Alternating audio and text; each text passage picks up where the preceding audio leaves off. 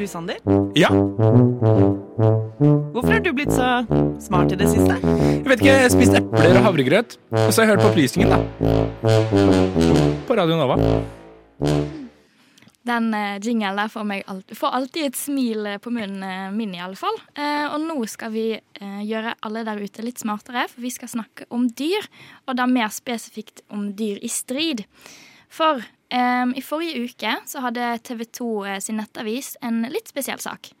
Det sto nemlig der at Russland skal ha trent opp militære delfiner. De skal da være utplassert i Svartehavet for å beskytte Russland sin marinebase.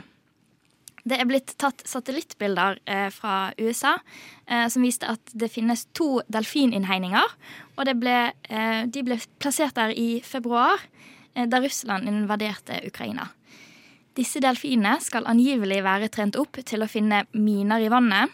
Men det skal òg forhindre ukrainske spesialoperasjoner fra eh, å infiltrere havnen.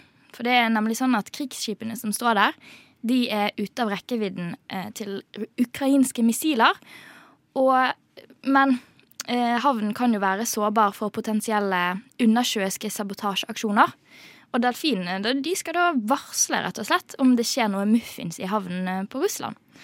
Og dette er da bare én av mange forskjellige historier om eh, dyr i strid. Og vi har eh, prøvd å grave opp noen litt, eh, litt triste, men litt gøye historier fra forskjellige dyr. Um, Emma, vil du uh, fortelle om uh, ditt dyr?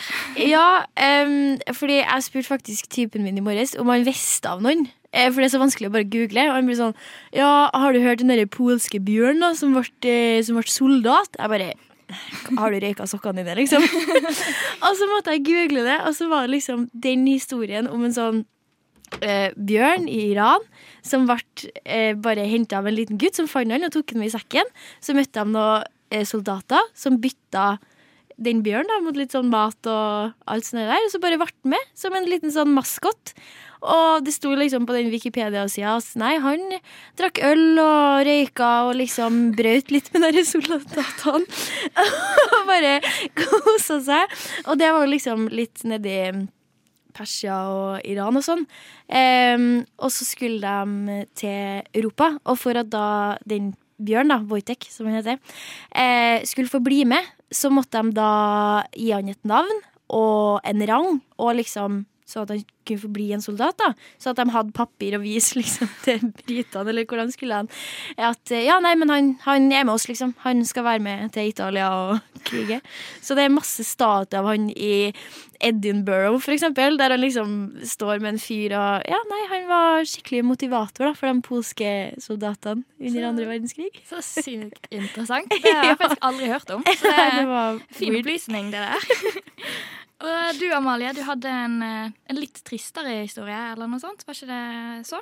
Jo, det er jo egentlig noe av det verste jeg har hørt. Eh, dette er da historien om Spycat, eller operasjon Acoustic Kitty. Oi. Som da var en sånn CIA-operasjon fra den kalde krigen, og så skal vi tilbake til 60-tallet. Men da skulle jo CIA utvikle nye sånne spionmetoder, da. Så var det da en katt som de tok. Eh, og inni katten så plasserte de da eh, avlyttingsutstyr. På en måte, Som skulle være ut fra øra, så vidt jeg forsto det. Eh, men de hadde også noen koblinger til hjernen til katten som skulle overstyre kattens naturlige instinkter. da. Så at Hvis katten ble sulten, for eksempel, så skulle den ikke merke det. Den skulle bare fortsette oppdraget sitt. Og sånn. Og de måtte jo operere inn masse sånn eh, si batteripakker og også ting for å liksom holde det gående, da. Eh, og så vente til katten liksom ble leget og frisk og kunne liksom fungere. Og så kommer jo endelig dagen da, hvor de skal teste ut hvor godt det her fungerer. Og de sender katten over gata for å gå og spionere på um, naboene. Men akkurat mens katten er på vei over gata, så blir den påkjørt av en drosje. Oh, for meg! og dør! Stakkar katt.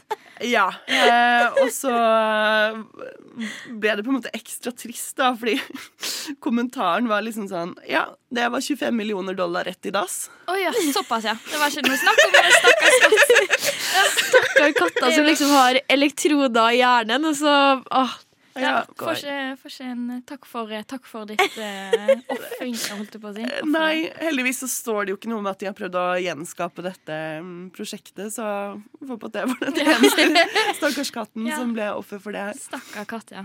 Nei, de, de der hjemme som har katter, kan kanskje ta og klappe katten sin en ekstra gang for denne stakkars katten. Vet Mm. du navnet på den katten, eller sto det bare ingenting?